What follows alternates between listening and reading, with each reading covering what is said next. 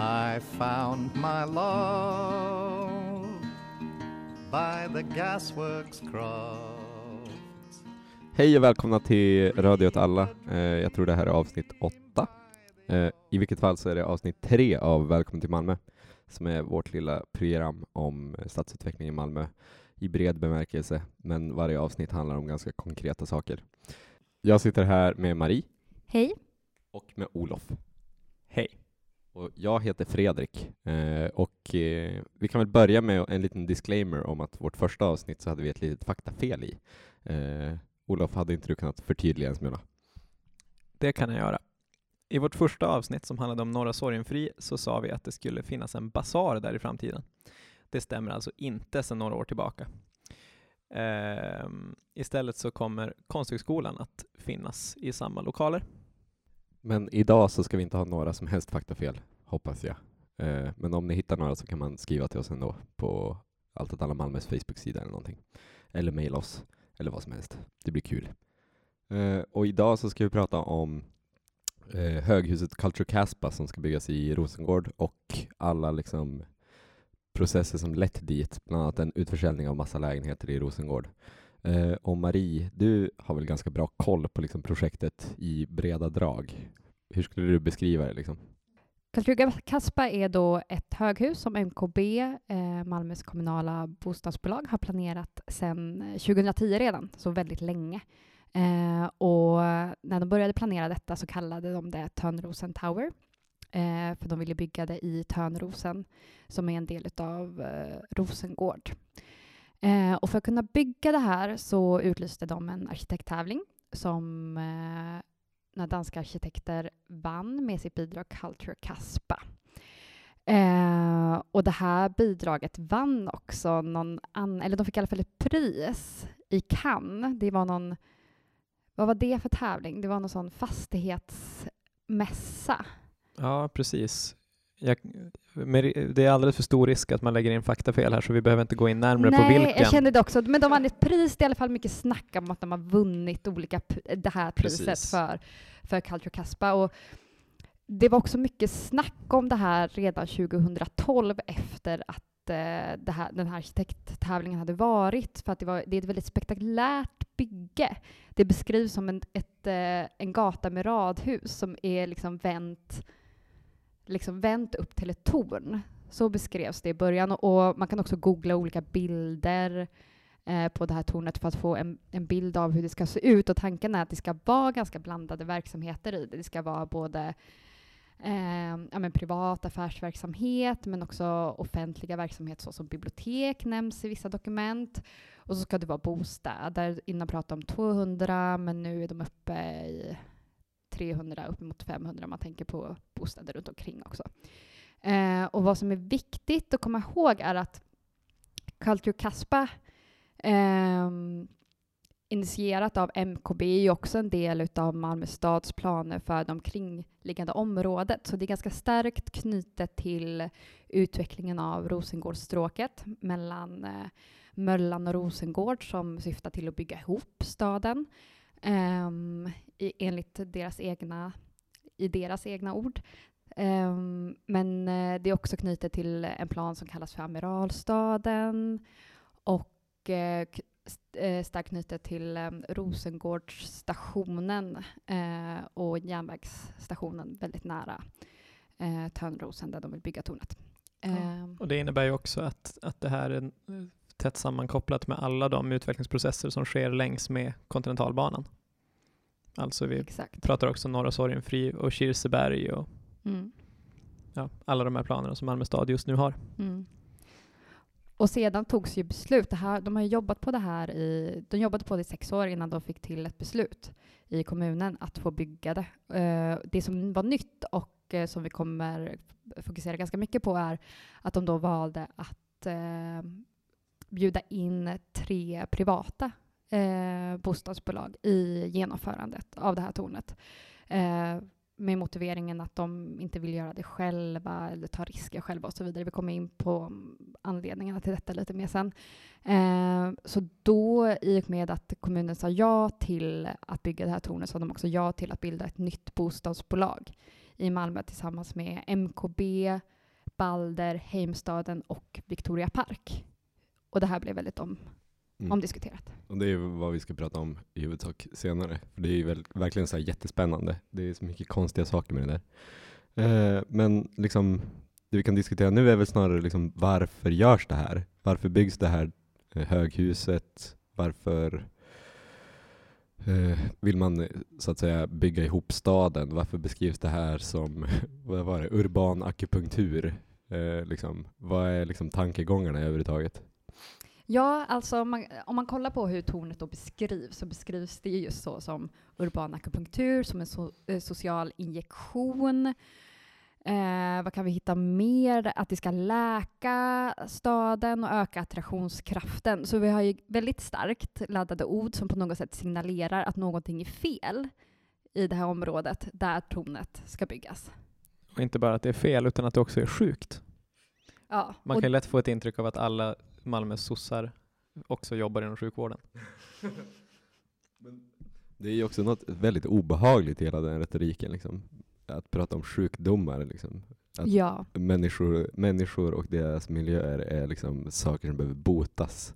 Och det är liksom inte bara det, är inte bara, det här är inte det enda exemplet, utan vi hade ju samma sak i Norra Sorgenfri, där de ville läka samman staden och sådana grejer. Det är kanske så här hårklyveri att diskutera egentligen, men det är ju ändå en så här ganska sjuk grej att prata om på det sättet. Ja, men det är det absolut. Det är ju verkligen ett sätt att stärka en stigmatisering av ett område som redan är stigmatiserat. Och det går ju att se flera exempel i Malmö och Sverige, men också utanför Sverige, att eh, när man lanserar förnyelseprojekt som det här är, så ha, sker det ofta efter en process där man har stigmatiserat eh, området och politiker och media har beskrivit områden med eh, de här, inte exakt de här begreppen, men, men på liknande sätt. Att det är liknande processer som föregår den här typen av eh, fysisk förändring. Och egentligen så är det andra undan, underliggande liksom, motiv till det här som man eh, kan ana lite när man läser eh, de här PMen och planeringsdokumenten som låg till underlag för beslutet. Kan förut bli stad? Kan det problemstämplade Rosengård göras om till en attraktiv stadskärna i Malmö? Ja, vi på MKB tror det. Vi vet att de svarta rubrikerna har skymt sikten för den outnyttjade potential som Rosengård har. Malmö är en av de städer i Europa som växer snabbast. Det är bara en tidsfråga innan Rosengård kommer räknas till centrala Malmö. Med nya stadsrum och bättre kommunikationer kommer det också kännas så. Men hur får man de räta linjerna i miljonprogrammets förortsarkitektur att kännas som stad? Jo, vi satsar på att bygga ett stråk.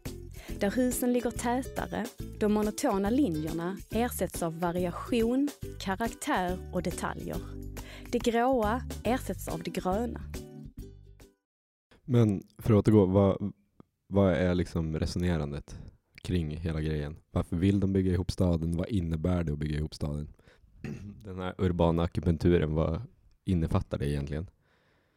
Ja, men de menar väl då att nu, nu är det Rosengårds tur, eh, säger de ju ganska mycket. Ibland nämner de att det också är för hela Malmös skull, men Malmö är en delad stad och eh, Rosengård är ett av de områdena där eh, folk då inte har det så bra och att bygga det här fina tornet är ett sätt att ehm, dra pos en positiv utveckling till Rosengård. Eh, sen kan man ju göra det här på olika sätt, men deras version av att hur göra det är att skapa någon slags eh, värdeökning, att få privata investerare till området. Ja, precis. Eh, och det här är ju inte någonting som man liksom, man måste inte läsa mellan raderna för att, för att få det intrycket heller, utan det är ju faktiskt vad man säger Ja, uttryckligen. Det är ju delvis därför man bildar det här bolaget också. Även om det sker, det sker under ganska konstiga former, eller man pratar om det på ett ganska konstigt sätt, att nu när man väl har bestämt att nu ska vi bygga det här så då säger man att nu, nu är det liksom läge för att nu ser vi att, att nu vill de här investerarna komma hit. Det är så roligt, fastän det är kommunen själv och MKB som har bjudit in de här investerarna. ja det är ju väldigt eh, tydligt exempel på vad man kan kalla för nyliberal stadsplanering, en stadsplanering där eh, kapitalet och det offentliga eller privata aktörer och offentliga aktörer samarbetar och hur kommunen, alltså den offentliga aktören, är väldigt eh, aktiv i att bjuda in privata aktörer. som då får vara med och definiera vad det finns för behov i stan. Mm. Nej men verkligen. Ehm, och det här präglar ju hela projektet. Jag tänker också på hur, eh, hur kommunen har pratat om riskerna med det här projektet, som du kanske berörde lite alldeles nyss. Ja, Ehm, alltså att, att det är riskabelt att, att göra den här satsningen, så vi måste fånga in de här andra aktörerna och sådär. Fastän kommunen väl fortfarande tar en väldigt stor del av risken, så att i, i praktiken blir inte skillnaden jättestor. nej, för det, och det här är ju eh, lite komplicerat, men för att försöka sammanfatta det så är det ju eh, i det här nybildade bolaget då med de, de tre privata och sen Malmö, Malmö eh, MKB, förlåt, MKB som är eh, det kommunala bostadsbolaget. Eh, MKB har ju fortfarande eh, ordföranderollen i det här bolaget och ska ha rätt att kunna köpa tillbaka bostäderna. Och det här kommer vi till, de sålde ut eh, eh, nästan 2000 eh, lägenheter i samband med försäljningen, eller la över dem i det här nybildade bolaget.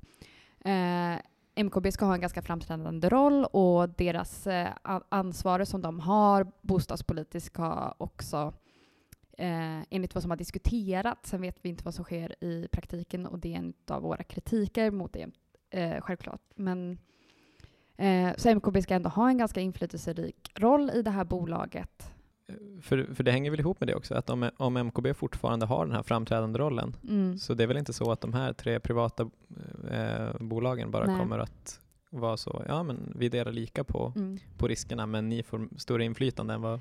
Ja, och, och anledningen till att kommunen fortfarande tar en stor del av risken är att MKB har en ganska stark eh, de är ganska kapitalstarka och anledningen till det är att de uppvärderades ganska nyligen från att vara det finns olika klassifikationer för det här att vara ett AA-bolag och de, jag tror de blev ett AA plus-bolag och anledningen till det är att de har integrerats med Malmö, Malmö stad med, med kommunen, vilket gör att Malmö stad i princip har lovat att vara borgenär eller gå in som en finansiell stöttepelare om någonting skulle hända med MKB. Eh, vilket betyder att kommunen via MKB fortfarande tar en ganska stor risk eh, trots det här bolaget eftersom MKB eh, har är i majoritet i bolaget. Men vi har ju pratat om det en smula redan. Ska vi bara ge oss in i det? Den här utförsäljningen, vad handlar det om egentligen lite mer konkret än att det är tre bolag som går tillsammans med MKB och startar ett nytt bolag? Eh, hur många lägenheter är det det omfattar? Sådana saker. Eh, ja, antalet lägenheter är väl, eh, du, du sa upp mot 2000, men det, ja precis, 1660 stycken va? I närområdet runt, runt där huset kommer att stå. Och ja, jag vet inte riktigt vad mer man ska säga. Det är de här bolagen som, eh, som Marie redan har listat. Ehm, bolag som allihopa är kända för att eh, den senaste tiden har gjort ganska eh, ordentligt fula saker i de fastigheter de äger med lyxrenoveringar och så vidare. Vi vet inte vad som kommer hända där givetvis. Det kan också sägas att det, sam- när det gick väldigt snabbt från att eh, MKB presenterade planerna på att bilda det här bolaget och eh, sälja lägenheterna till det nya bolaget. Alltså från att de presenterade till att beslutet skulle tas. Eh, och att det var väldigt mycket protester ehm, till exempel från de boende och andra aktörer kring hur eh, ja, men, den demokratiska möjligheten att påverka det här beslutet eftersom det röstades igenom så snabbt. Men också det faktum att de skulle få en ny hyresvärd och inte kunde påverka processen som ledde fram till det. Eh, men sedan så finns det också en grundläggande kritik mot att MKB, MKB som ett kommunalt bolag då säljer ut en ganska stor del av sitt bestånd till ett eh, privat företag som det ändå blir, eller privat offentligt företag som det här nya bolaget är. Men, mm, så liksom beslutet fattades jättefort och det såldes ut till tre företag som, alltså, va- varför blev det just dem liksom? Varför är det specifikt eh, Balder, Victoria Park och vilken är det? Heimstaden? Heimstaden. Det vet vi inte riktigt. Den, alltså jag kommer ihåg att när- jag läst, de träffades på Jallatrappan i Rosengård, vilket är en ganska central plats i Rosengård, där de då, de beskriver som att de satt där och kollade ut över Rosengård och visionerade hur de kunde liksom bli en gemensam aktiv aktör i det här området och, och bidra till, eh, enligt dem, någonting positivt. Eh, men eh, varför de här tre bolagen valdes in och bjöds in till det här samarbetet? Nej, det är väl svårt att säga. Alltså, Balder och Heimstaden är ju bland de största fastighetsägarna i hela Sverige. Och eh, ja, Victoria Park är ju stora i Malmö specifikt. Och det är Heimstaden också. Så att, Det finns ju också lite kopplingar mellan dem. Han eh, som är VD för Balder är en av Sveriges största fastighetsägare och han har också kopplingar till Victoria Park. Och när vi ändå pratar om olika kopplingar mellan bolag eh, så eh, finns det också en koppling mellan bolag och eh, politiken. För vi har ju den här socialdemokraten Luciana Astudillo. Exakt. Som satt i Victoria Parks styrelse och plockade ut ganska mycket vinst fram till bara några månader innan det här beslutet togs. Så då var Socialdemokraterna det partiet som drev det här beslutet om att eh, bygga Culture Caspa och sälja ut bostäder till det här nybildade bolaget. Precis. Och vi kan ju givetvis inte veta vad hans inflytande har varit i den här pro- processen. Eh, Socialdemokraterna i Malmö säger ju att han inte har fått vara nära den här processen överhuvudtaget. Nej, Men det är liksom för saftigt för att inte bita i. Mm. Exakt, och det är, man, eh, det är som att man eh, nästan lite övertydligt ser den här Malmöandan gå igen, samarbetet mellan eh, företagsjättarna och Precis, så att polit- om, om man inte vill smutskasta någon i onödan så kan man åtminstone låta det vara en, en passande symbol för hela den här nyliberala eh, stadsplanerings och stadsutvecklingspolitiken som du nämnde lite tidigare, Marie. Absolut. Finns det något mer att säga om utförsäljningen? Några specifika saker? Ja, eller jag tycker att det är värt att notera om vi går tillbaka till antalet lägenheter, för det är lite svårt att veta vad, det ant- vad säger det antalet egentligen. Um, men det är alltså 7 procent utav MKBs uh, eh, bostad, bostadsbestånd. Och um, den här, ny- det här nya bolaget som bildats, det blir en av de största bostadsaktörerna i Malmö och den största i Rosengård i och med den här förändringen. Så det, det här påverkar ju ägandeförhållandena på bostadsmarknaden i Malmö ganska mycket. Mm. Och man vet inte riktigt vad det här innebär. Nej, jag tänker också på att, eh, ja, vad, det, vad det innebär för hur allmännyttan kan skötas och vad det här eventuellt till och med kan säga om allmännyttans framtid. Ja, och då kan man ju säga att allmännyttan är, eh, eh, det är alltså kommunalt ägda bostadsbolag eh, som eh, sedan 40-talet kan man säga att allmännyttan liksom har varit ryggraden i svensk bostadspolitik. Att det är kommunerna som har haft ett ansvar för bostadspolitiken och eh, en del av det har varit att eh, tillhandahålla goda och billiga bostäder till hela befolkningen. Eh, och allmännyttan har varit väldigt viktig här. Ehm, och först 2011 så skedde en lagändring där, så, som gjorde att allmännyttan behövde vara affärsmässig. Så man inte riktigt vet vad det innebär, men eh, det finns ehm, liksom ganska starka röster som säger att allmännyttan därmed ska drivas med profit. Eh, och detta har ju då lett till en diskussion kring vad som händer med de allmännyttiga bolagen och det bostadsförsörjningsansvar som de har. Det här har ju varit speciellt intressant i Malmö eftersom MKB har drivit, drivit profitkravet väldigt hårt jämfört med många andra svenska allmännyttiga bolag. Men också just det här exemplet är är ju intressant därför att det här faktiskt innebär att man startar en, en ny typ av, av förvaltningsform som någonstans ligger mittemellan det privata och det allmännyttiga. Eftersom det är ett, ett till övervägande del allmännyttigt bolag som drivs av privata intressen. Ja, och eh, det, om, man, om man läser nu de här dokumenten som ligger till underlag för beslutet så betonas det att det är eh, sociala bostadsansvar som MKB har bör läggas över i det nya bolaget. Men frågan är vad som händer i det och hur mycket, eh, utav det ansvaret som återspeglas i det nya bolaget och hur mycket utav kravet på profit i det nya bolaget återspeglas till MKB. Och det är ju det som är lite eh, en kritik mot hela bildandet av bolaget och utförsäljningen. Eh, men sen så kan man ju inte heller sticka under stol med att det finns problem med allmännyttan. För nu kanske det låter väldigt mycket som att vi glorifi glorifierar den typen av eh, eh bolag och aktörer och eh, det, delvis MKB och det finns ju väldigt mycket problem med MKB. Och, ehm, men poängen är väl att eh, det här är institutioner som går att forma på olika sätt och nu är det väldigt tydligt hur de formas i en viss riktning eh, som är till eh, privata fastighetsägare fördel snarare än till fördel för eh, personer som behöver bra och billiga bostäder i Malmö. Nej, precis, precis. Eh, jag tänker att man kan se en kontinuitet mellan den här, vad heter den, Allbo Allbolagen. Ja, precis. Det här som, som sa att allmännyttan skulle drivas enligt Affärsmässigt. affärsmässiga principer. Ja, precis. Eh, och den här nya, nya formen som det här bolaget nu har antagit i Rosengård.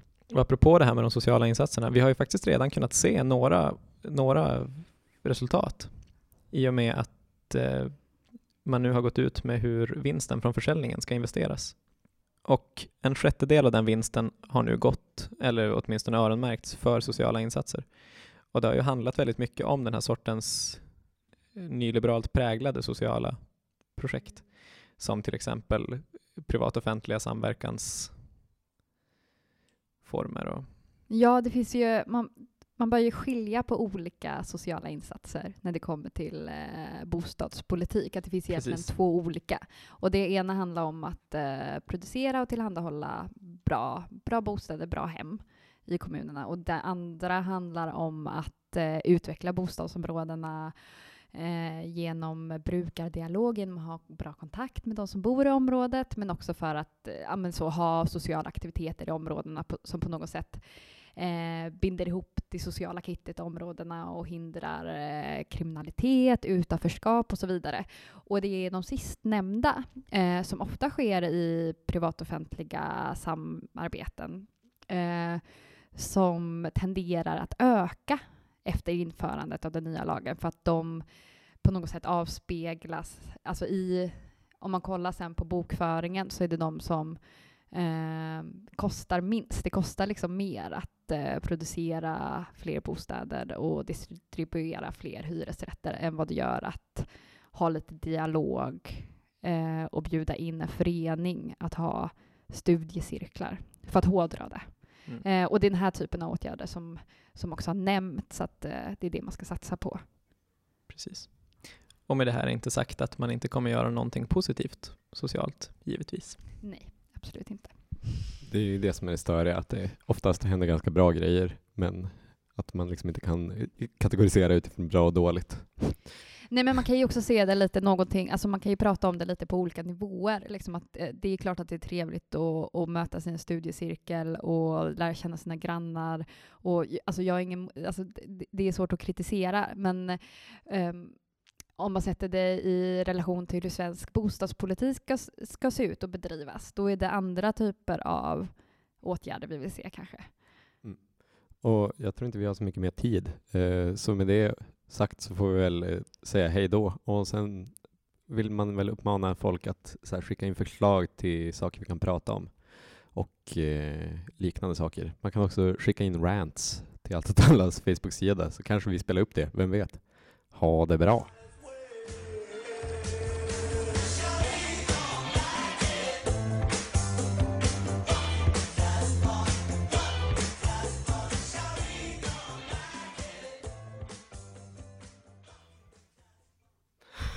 Alltid lika stela avslut. Ska vi inte säga hej då? Det borde vi faktiskt göra.